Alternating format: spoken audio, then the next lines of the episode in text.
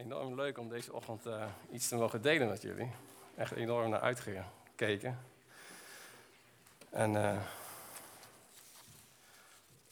ik verwacht het uh, echt van God dat Hij mooie dingen tot ons gaat zeggen. Ehm, verwacht het niet van mij. Ik ben echt niet perfect. Verwacht het van de Heer dat Hij deze ochtend iets, iets moois gaat geven. En precies datgene wat jij nodig hebt. En dat is bij ons allemaal iets heel anders, geloof ik. Maar hij gaat jou precies datgene geven. Hij gaat jou precies met datgene voeden waar jij hiervoor gekomen bent. Uh, het thema van uh, de preek van deze ochtend is de Road of Discovery. Um, zometeen gaan jullie het gedeelte zien wat we daarbij gaan lezen. Maar er zijn vast ook momenten geweest in je leven dat je dingen hebt ontdekt. En dat je denkt van, wow, mooi een wetenschapper, als hij iets ontdekt en heel veel onderzoek heeft gedaan en uiteindelijk tot de conclusies komt, dan denkt hij, zo, my, dit is echt verbazingwekkend. Wat ik nu heb ontdekt met al het onderzoek wat ik heb gedaan, dit, dit komt eruit, dit zijn de conclusies. Kinderen kunnen soms ook hele leuke ontdekkingen doen en als... Uh, ik denk, uh, moeders hebben er over het algemeen wat meer oog voor. Maar dan, dan, genieten ze daarvan als ze dat kind ontdekkingen zien doen. En uh, nou, mijn zoontje Joshua, die, die uh, die komt soms hele leuke, interessante vragen aan, aan, aan tafel. En dan zegt hij van, uh, papa, wat zijn burgemeesterverkiezingen? Ik zeg, ik denk, heb jij de krant gelezen of zo?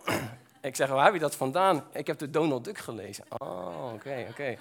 En eh, de week daarna is het, papa, wat is een hypotheek?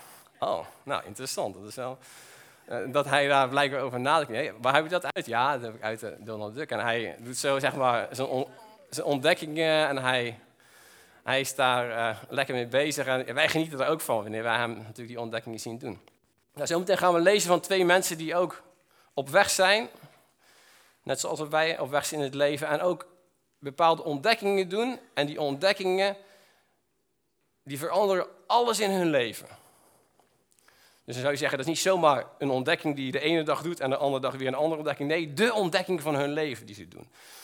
En uh, gaan we van lezen, een heel bekend uh, uh, verhaal. We beginnen bij um, Lucas 24. Um, en dan lezen we um, van de Emmausgangers. twee mensen die op weg zijn naar een stadje buiten Jeruzalem, misschien ongeveer 10 kilometer. Ze even een klein wandelingetje, ommetje maken om eens goed met elkaar te praten en van gedachten te wisselen. Maar als we weten wat er net heeft, zich heeft afgespeeld, dan kunnen we misschien ook datgene voorstellen wat we hier eh, in het verhaal lezen. En zie, twee van hen gingen op diezelfde dag naar een dorp dat 60 stadien van Jeruzalem verwijderd was en waarvan de naam Emmaus was. Ze spraken met elkaar over al deze dingen die gebeurd waren. En het gebeurde terwijl ze met elkaar spraken en van gedachten wisselden dat Jezus zelf bij hen kwam en met hen meeliep. Maar hun ogen werden gesloten gehouden, zodat zij hem niet herkenden. En hij zei tegen hen, wat zijn dit voor gesprekken dat u al lopend met elkaar voert? En waarom ziet u er zo bedroefd uit? Dus twee mensen die op, uh, op weg waren en eigenlijk met elkaar van gedachten aan het wisselen waren naar wat er allemaal was gebeurd. Moet je weten dat net twee dagen daarvoor Jezus was gekruisigd, was begraven. En uiteindelijk hadden zij, net voordat ze die wandeling gingen maken, hadden ze gehoord dat Jezus was verschenen. Hoe kan dat nou? Gestorven, begraven. Maar Jezus was verschenen. Dus je kan je een beetje voorstellen het idee waar. Dat ze toch een soort, in een soort van rollercoaster zaten en al zoveel dingen hadden gehoord en ook niet wisten hoe ze het moesten plaatsen. En dan met elkaar over van gedachten aan het wisselen waren en op de afgelopen drie jaar hebben we teruggekeken, want het waren ook twee volgelingen van Jezus. Als we het verhaal goed begrijpen, het waren niet van de twaalf discipelen, maar het waren wel twee volgelingen. En ze hadden het er met elkaar over, wat er allemaal was, uh, wat er allemaal was gebeurd.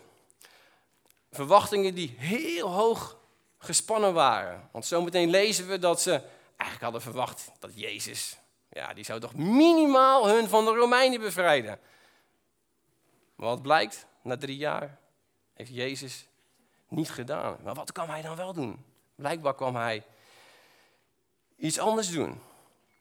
Verwachtingen die hoog gespannen waren bij hun, maar uiteindelijk waren ze toch een beetje roeft, staat er. Ja, toch een soort van, ja, een beetje teleurgesteld. Wat, wat, wat gaat er nou gebeuren? Drie jaar van onze tijd hebben we aan het onderwijs gegeven van deze Jezus. Maar uiteindelijk gaat nu het leven gewoon weer verder? Gaan we op de oude voet verder? Of, of gaat er iets gebeuren waardoor ons leven echt uiteindelijk gaat veranderen? En we lezen verder in Lucas 24 dat Jezus met hun uiteindelijk uh, uh, in gesprek gaat. En um, in vers 18. En de een, van wie de naam Cleopas was, antwoordde en zeide tegen hem: Bent u als enige een vreemdeling in Jeruzalem, dat u niet weet welke dingen daar in deze dagen gebeurd zijn? Zo van, bent u wel van deze planeet? Nee, hij is inderdaad niet van deze planeet, maar... U weet niet wat er is gebeurd? Hoe kan het nou? We zijn een paar kilometer van Jeruzalem vandaan. Zoveel dingen die daar afgelopen dagen zijn gebeurd. En u, een vreemdeling? Weet, weet u niet wat er is gebeurd? Natuurlijk wist Jezus het wel. Dat is namelijk met hem gebeurd. Maar hij laat daardoor deze mensen wel eventjes heel goed nadenken. Want hij vraagt zelfs aan hun van welke dan? Welke dingen zijn er dan gebeurd? En zij zeiden tegen hem de dingen met betrekking tot Jezus de Nazarene, die een profeet was, machtig in werken en woorden, voor God en heel het volk. Dat hadden ze wel gezien van Jezus. Ze waren blijkbaar onder zijn onderwijs geweest. Ze hadden veel van zijn woorden gezien.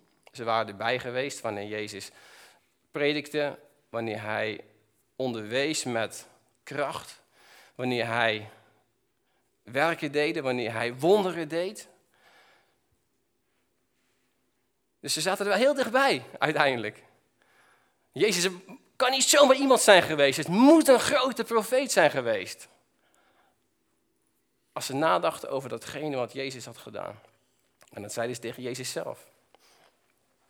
Die dingen hadden ze van hem gezien. Een profeet was hij, machtig in werken en woorden voor God en heel het volk. Maar nu komt het hoe onze overpriesters en leiders hem overgeleverd hebben om hem ter dood te veroordelen en hem gekruisigd hebben. En wij hoopten dat hij het was die Israël zou verlossen. Maar al met al is het vandaag de derde dag sinds deze dingen gebeurd zijn.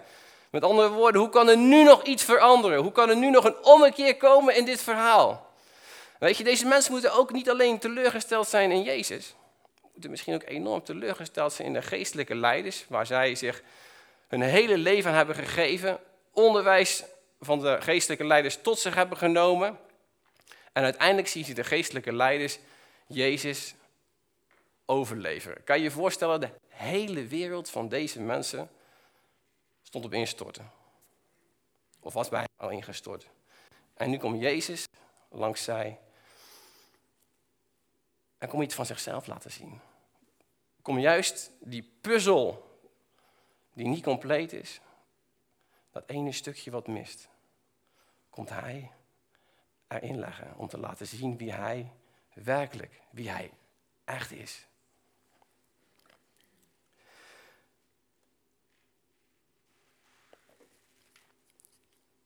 Hun hoop was een beetje op, de, op Jezus gevestigd als het ging om van de Romeinen verlost te zijn. Maar uiteindelijk gaf Jezus dat helemaal niet. Jezus verloste niet van de Romeinen. Jezus was, als we kijken naar uh, de evangelie, dan zien we dat Jezus, als het gaat om politiek, politiek helemaal niet echt actief was. Je zou bijna kunnen zeggen dat Jezus meer een, uh, een, een pacifist was, en die het gewoon allemaal over zich heen liet komen. Die zei tegen de mensen, geef aan Caesar wat van Caesar is. Geef aan God wat van God is. Hij zich helemaal niet inliet met enige politiek. Maar uiteindelijk zien we toch dat de mensen dat toch al een beetje hadden verwacht. Want als Jezus zelfs wonderen kan doen, als Jezus zelfs zulk geweldig onderwijs heeft, waarom kan hij dan niet... Hij weet waar we mee worstelen, hij weet waar we mee struggelen, waarom kan hij ons dan niet bevrijden van de Romeinen? Het idee wat zij hadden van de Messias was een heel ander idee dan wie Jezus uiteindelijk, uiteindelijk was. Maar Jezus gaat iets van zichzelf laten zien. En, uh, want hij gaat laten zien dat hij in het centrum staat van alles. In vers 25 lezen we. Hij zei tegen hen, o onverstandige en trage van hart, dat u niet gelooft al wat de profeten gesproken hebben. Moest de Christus dit niet lijden en zo in zijn heerlijkheid ingaan? En hij begon bij Mozes en al de profeten en legde hun uit wat in de schriften over hem verteld was. Wow. Jezus komt langs zij en hij is natuurlijk de enige die het echt uit kan leggen. Als hij het uitlegt, hoeven we, geen, uh, hoeven deze twee mensen ook niet te denken van nou, ik moet het toch eens even aan mijn rabbi vragen. Is die het hier wel mee eens? Moet het toch even aan die schriftgeleerde vragen. Zal die het er wel mee eens zijn? Nou, die zal het er zeker, zeker niet mee eens geweest zijn. Maar Jezus legt hier iets heel cruciaals uit. Deze mensen kennen het Oude Testament. Dat was hetgene wat zij hadden. Wij hebben nu het Oude en het Nieuwe Testament. Maar zij hadden het Oude Testament. En Jezus moet dus teruggaan, moet dus vanuit het Oude Testament aantonen dat hij de lang verwachte Messias is. En dat doet hij ook. Er staat dat hij Mozes en de profeten ging uitleggen. Mozes dus de, de wet, de eerste vijf boeken, en de profeten, alle andere boeken. Dus het hele Oude Testament gaat hij gebruiken om datgene uit te leggen, datgene te laten zien aan deze twee mensen. En we weten niet wat hij allemaal heeft laten zien, wat voor gedeelte hij er allemaal heeft bijgehaald. Maar deze mensen kennen Jezaja, de psalmen, kennen alle gedeelten waar er verwezen werd naar de Messias. Ze kenden die gedeelten, maar ze wisten niet dat het naar de Messias verwees. Ze hadden een idee dat, Jezus een, dat de Messias een heel ander iemand moest zijn dan degene die was gekomen en dan degene die, als we kijken naar hetgene wat net was gebeurd. En is het zo uh, kenmerkend als we in vers 27 zien? Als we in vers 27 zien, hij begon met Mozes en al de profeten en legde uit wat er in de schriften over hem, over hem geschreven stond. Dit is zo mooi. Want hij zegt eigenlijk hier in het Oude Testament, het gaat allemaal om mij. Ik sta in het centrum. Het is niet de hele wet en allerlei dingen waar we ons aan moeten houden. En uiteindelijk dat dat Jezus onderwijs is. Nee, hij wil juist zichzelf laten zien. Dus wij hoeven er ook niet aan te twijfelen dat het in de Bijbel, dat het in Gods woord allemaal om Jezus gaat. Vanaf het begin tot het einde. Gods reddingsplan voor de mensen. En zo moeten we ook het Oude Testament lezen. Want in het Oude Testament verborgen is, wordt in het Nieuwe Testament geopenbaard. Dus het Oude Testament zijn niet een stel wetten waar wij ons aan moeten houden om uiteindelijk in relatie met God te komen. Nee, in het Oude Testament moeten we Jezus ontdekken.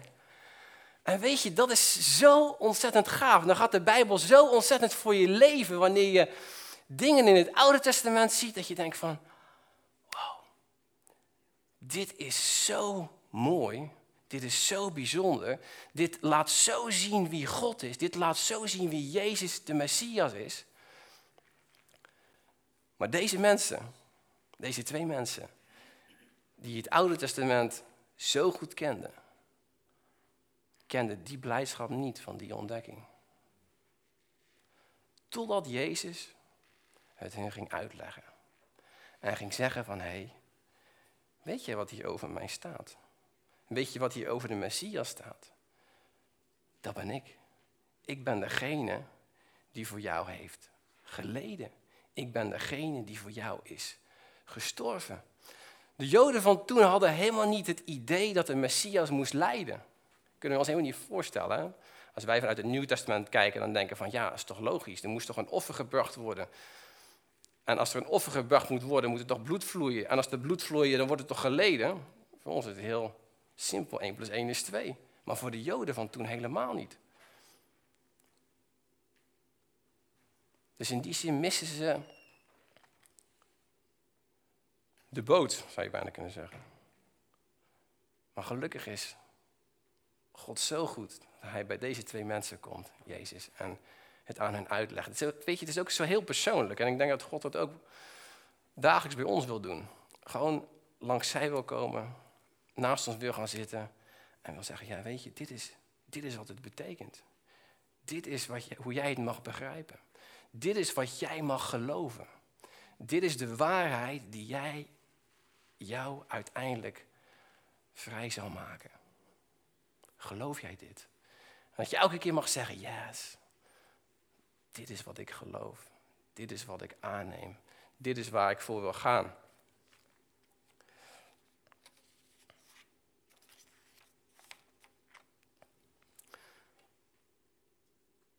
De Joden hadden een, uh, een enorme focus op de, op de wet. Dat weten we allemaal. En vooral de focus dat de wet bestudeerd zou worden. Zometeen gaan we nog naar een Bijbelvers waarin staat dat de waarheid je zal vrijmaken. Maar de waarheid voor een Jood was iets heel anders dan de waarheid van Christus. De waarheid van een Jood was de studie van de wet. Maar we weten dat de studie van de wet je nooit vrij zal maken. Integendeel, de wet zal je altijd veroordelen. Dat is ook het doel van de wet. De Bijbel zegt dat de wet zonde doet kennen. Waar geen wet is, is geen veroordeling. En dat is waar deze twee mensen zich in hun leven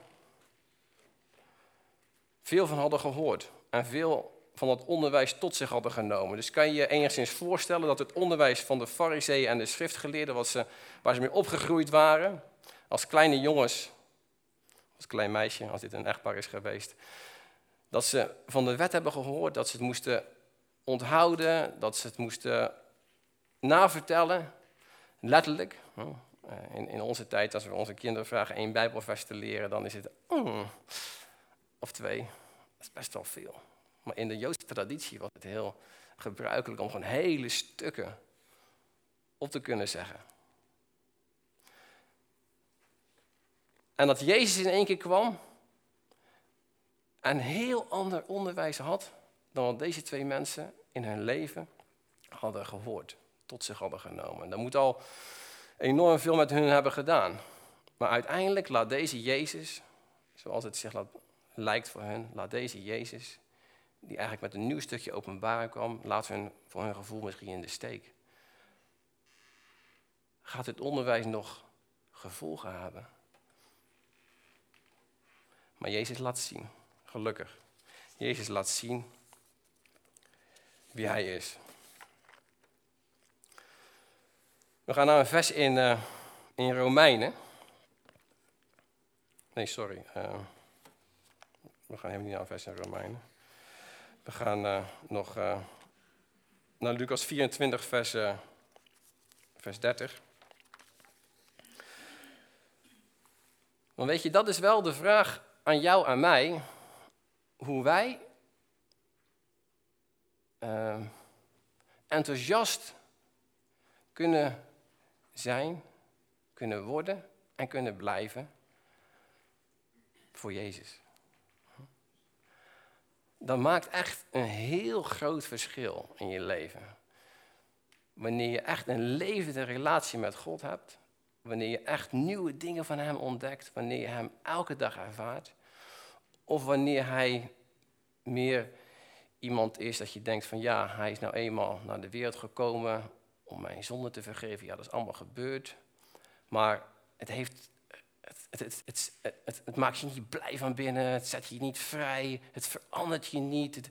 weet je, God wil zoveel meer aan jou en mij uh, geven. God wil echt dat zijn woord zeg maar, zo'n impact heeft in jou en mij, dat het jou echt verandert, dat het je denken verandert, dat het je echt vernieuwt van binnen. En hoe gebeurt dat bij deze twee, bij deze twee mensen? Hoe worden zij enthousiast gemaakt door, door Jezus zelf? In Lucas 24 lezen we: Het gebeurde toen hij met hen aanlag dat hij het brood nam en het zegende. En toen hij het gebroken had, gaf hij het aan hen. Drie dagen daarvoor hadden ze in Israël het Pascha gevierd. Hadden ze gedacht aan de uittocht uit Egypte. Dat God hun verlost had uit de slavernij. Dat, hun, dat God hun weer gebracht had in de vrijheid. Op weg naar het land Canaan, waar ze overvloedig gezegend zouden worden, had God beloofd. Het zou een land zijn vol van melk en honing. Het zou een land zijn waar ze in huizen zouden wonen die ze niet zelf gebouwd hadden. Ze zouden daar rijkdom, Gods zegen en Gods gunst daar ervaren. En daar hadden deze twee mensen een paar dagen daarvoor net bij stilgestaan. Dus kan je nagaan, de gedachte die een Jood zeg maar, had bij het eten van dat brood bij het paascha, was heel iets anders dan wat wij nu hebben. Wij denken aan wat Jezus heeft gedaan. Dat hij is geleden, dat hij is gestorven, dat hij is opgestaan.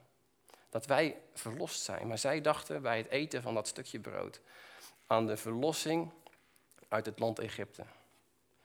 Maar na alles wat Jezus had verteld, na alles wat Jezus had gezegd, dat brood zegent, het breekt en het geeft aan deze mensen. Vallen de oogkleppen van hun gezicht. Zien zij wat Jezus, wie Hij werkelijk is. Hun ogen werden geopend, staat. En zij herkenden Hem maar hij verdween uit hun gezicht. Misschien dachten ze achteraf nog van, ah, was leuk geweest. Dat we nog, net nog even dit nog konden vragen, dat nog konden vragen. Maar Jezus had alles laten zien wat hij aan hen wilde laten zien. En hij verdween uit hun gezicht. En hetgene wat ze dan tegen elkaar zeggen, dat is zo kenmerkend voor de openbaring die deze twee mensen hadden gehad. Want wat zeggen ze tegen elkaar? was ons hart niet brandend in ons toen hij onderweg tot ons sprak en voor ons de schriften opende. Hoe word je enthousiast? Hoe word je gepakt door het woord van God? Wanneer Jezus iets van zichzelf laat zien. Hoe wij de Bijbel lezen, kan op heel veel verschillende manieren. Ik heb jaren de Bijbel gelezen en dan uh, ging ik s'avonds naar bed en dan had ik toch het idee, ik moet toch ook nog, ik moet toch ook nog even Bijbel lezen. En dan ging ik erin lezen. En het sprak totaal niet. Sprak totaal niet tot me. Maar ik, ik had wel in ieder geval weer gelezen. Als God iets had willen zeggen, had hij in ieder geval iets kunnen zeggen tegen mij. Maar hetgene wat ik dan las, ik was niet op zoek naar Jezus ontdekken. Dat zag ik niet. Waren mijn ogen echt niet voor geopend. Ik zag meer datgene wat God van mij eiste. Is het dan interessant om de Bijbel te lezen? En is dat hetgene wat God met jou en mij wil communiceren wanneer we zijn woord openen? Ik denk het niet. Hm? God wil echt iets van zichzelf laten zien. Wie Jezus is. Wat Hij voor je heeft gedaan. Hoe ontzettend veel Hij van je houdt. Wat Hij je wil geven hier op aarde waar hij je mee wil helpen, waar hij je mee wil zegenen. Waar hij je mee wil overladen. Niet een beetje zegen, nee, hij wil je overvloedig zegenen. En hij wil dat jij meer en meer van die genade, van die gunst, gaat ontdekken in je eigen leven. Maar dat je ook God op deze manier gaat zien. Als wij de Bijbel lezen met het idee van oordeel, dan projecteren we dat als het ware op wie God is. En dan denken we elke keer, dit is wat God nu tot mij aan het spreken is, aan het communiceren is. En we voelen ons zo slecht. We voelen ons zo min. We voelen ons zo onwaardig.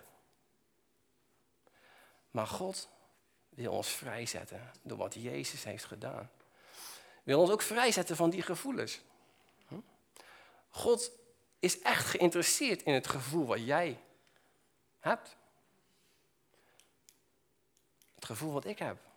Daar wil hij echt iets mee. Als we ons gebonden voelen, dan wil hij juist zorgen dat wij losgemaakt worden en die gebondenheid niet meer ervaren en juist in die vrijheid komen die hij ons heeft gegeven.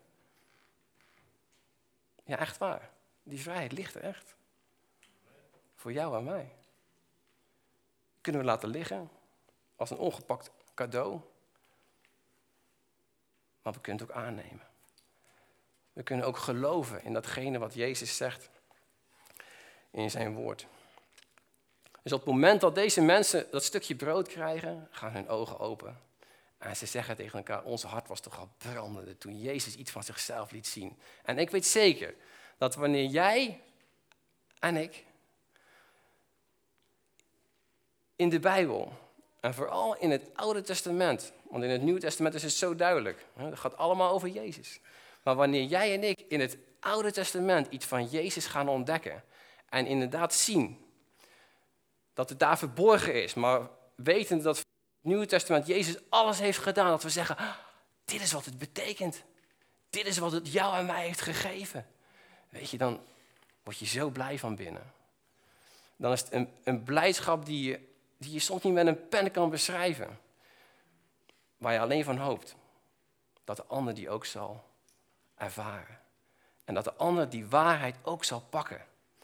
Die waarheid die God aan jou en mij heeft gegeven. Dus how to get excited. Jezus ontdekken. Hm? Jezus ontdekken. En denk nou niet van, ik ken Jezus al zo goed. Ik weet alles van hem. Ja, misschien wel. Er zijn heel veel mensen die alles van hem weten. Maar het zit hier, het zit in ons hart. Hij wil echt dat jij hem echt kent. Ook echt hier in je hart ervaart. Ik heb op een duur echt moeten zeggen, ik vond het enorm moeilijk om eigenlijk uh, zelf te erkennen dat wat ik tot een bepaald moment wist, dat dat niet alles was. Dat zoveel meer was. Dat was echt een beetje nederig dat ik dacht van, uh, straks denken mensen van, ja, heeft hij het dan nooit geweten? Dat het er nu nog zoveel doet. Maar weet je, dat is, dat is zo mooi. God, God gaat gewoon dag in, dag uit met, je, met jou mee. En hij laat steeds meer van, jou, van zichzelf aan jou zien. Wij zouden het helemaal niet aankunnen als we nu alles van hem zouden weten. Alles van hem zouden zien. We helemaal niet aankunnen. Daarom laat hij het beetje bij beetje zien. Weet je, doseert hij het zo lekker. En datgene wat hij dan van zichzelf laat zien, mag je dan ook aan anderen weer uitdelen. Dat zij dan denken, wow, hey, dat is wel heel interessant zeg. Dat is wel heel bijzonder. Ga ik ook eens nalezen. Ga ik ook eens overdenken.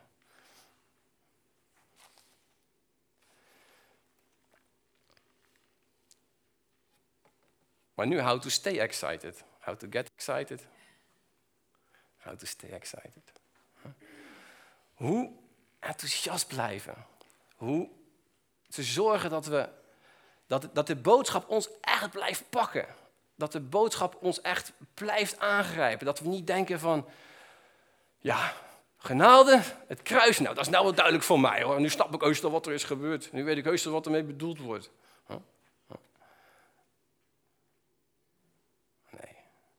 Het is zoveel meer dan dat. Het is zoveel dieper. Als de hele Bijbel erover gaat, wie Jezus is, wat hij heeft gedaan, dan zou het toch al heel kort door de bocht zijn dat we op een duur denken van ja, alles wat, er, wat hij zegt van zichzelf, dat weten we al. Kom nu maar met de praktijk. Ja, kijk het argument. Zeg nou maar wat ik moet doen. Weet je wie dat ook zei? Zeiden de Joden ook. Toen ze op reis waren naar, naar, eh, naar het land Canaan. Dat ze op duur zo trots waren op zichzelf dat ze zeiden: Mozes, zeg het maar. Alles wat God zegt dat we zouden doen, dat doen we.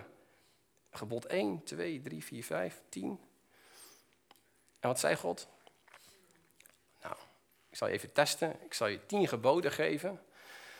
En weet je, toen Mozes de berg op ging en uiteindelijk terug naar beneden kwam, waren alle geboden al gebroken. Zo goed hadden ze het gedaan. Nee, we mogen Jezus ontdekken. En weet je, dat gaat, een, gaat zo'n kracht in ons leven geven. Dat gaat ons zo'n nieuw perspectief geven van wie God is, wie Jezus is en wie wij zijn in Hem. En dat is eigenlijk hetgene waar wij in het leven het meeste, aan worstelen, meeste mee worstelen. En ook hetgene wat de duivel altijd probeert te neutraliseren op een of andere manier. Hij probeert dat we de waarheid die God zegt over ons, dat we die op een of andere manier niet pakken, niet verstaan, niet begrijpen. Dat we kijken naar de struggle in ons leven en dat we denken van ja, dit doe ik toch heel slecht, dit pak ik toch heel slecht aan. Maar dat we God op een of andere manier niet uitnodigen om in die terreinen van ons leven lekker aan de slag te gaan met ons en juist te breken met die dingen. How to stay excited. Zo is dan het geloof uit het gehoor en het gehoor door het woord van Christus. Dit is een heel mooi statement wat Paulus maakt tegen aan de Joden in Rome. Want ze hadden het gehoord.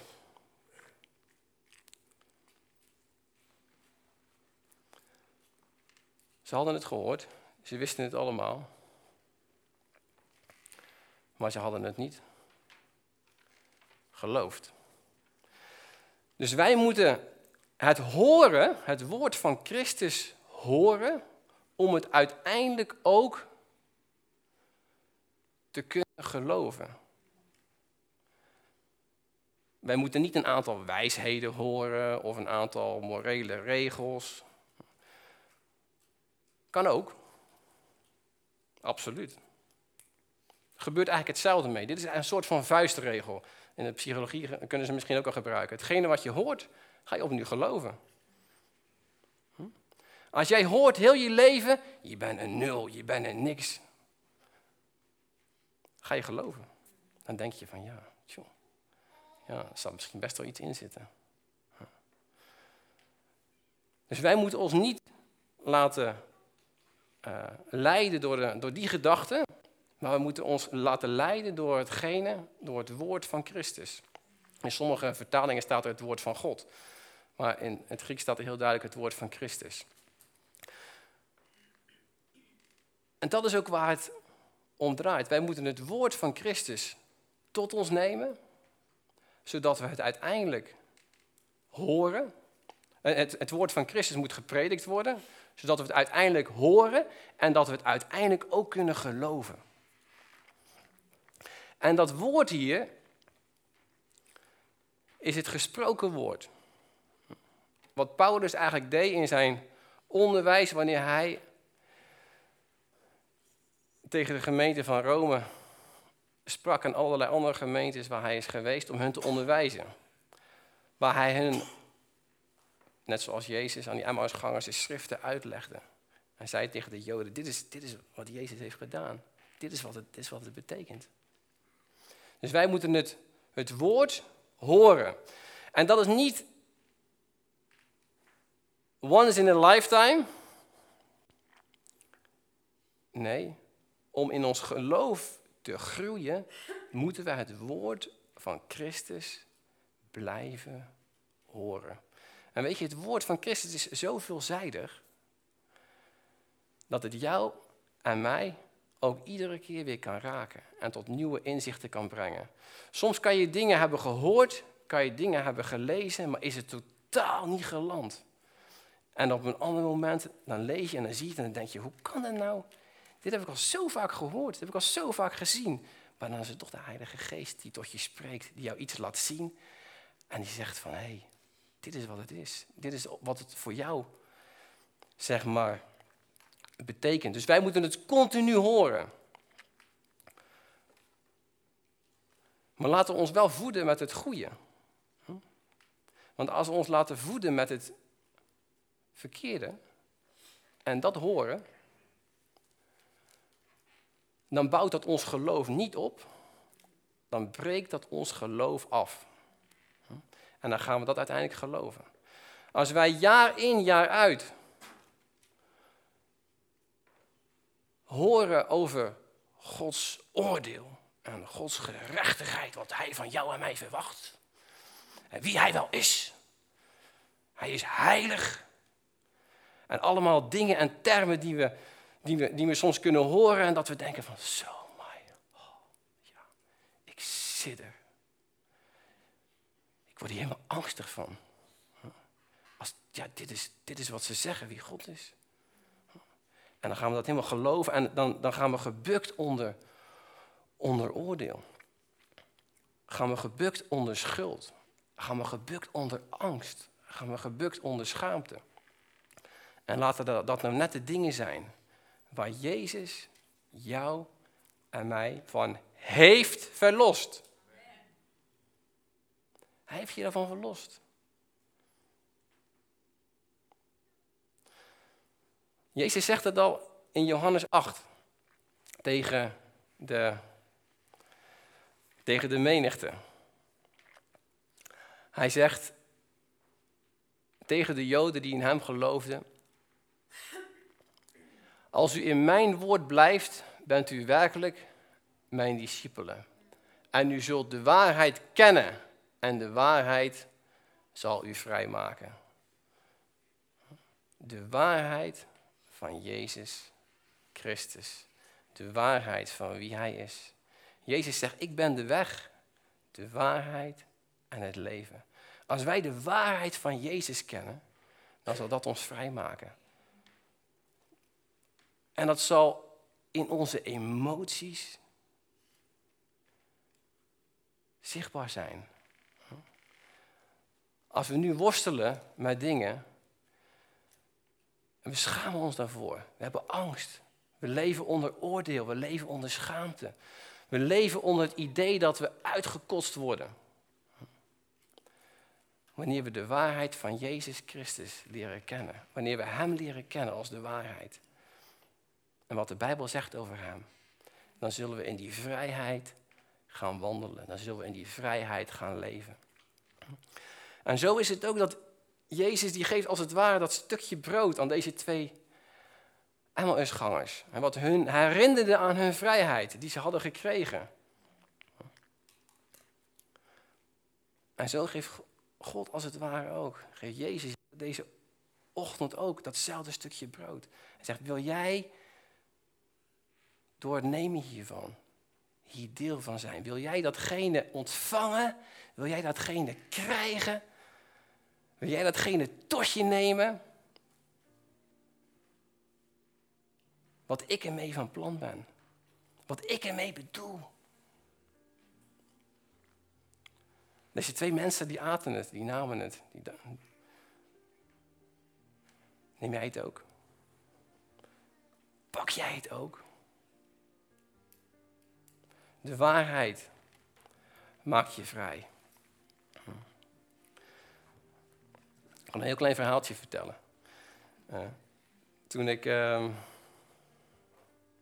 of 16 was, denk ik, werkte ik op een plek waar enorm veel gevloekt werd.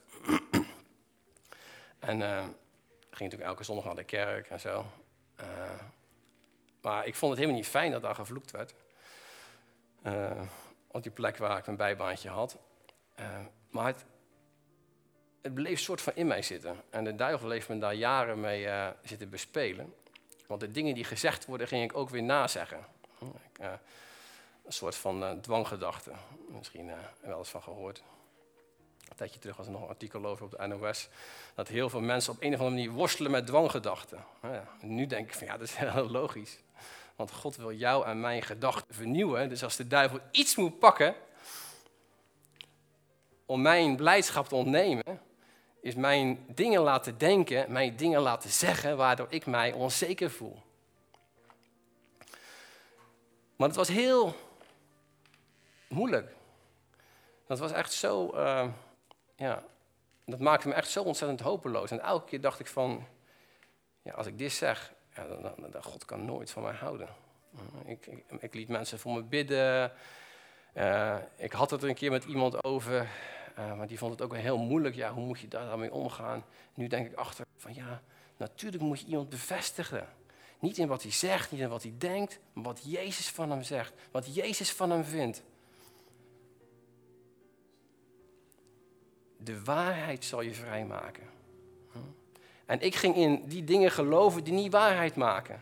En die maakten me een soort van slaaf van mijn eigen gedachten. Maar als wij van Jezus horen, als wij Jezus tot ons nemen, als we datgene tot ons nemen wat Hij voor ons heeft gedaan, dan zal die waarheid door het woord wat gesproken wordt en door het woord wat jij en ik lezen, zal jou en mij vrijmaken. Dat is wat Jezus jou wil geven. Ontvang dat deze morgen.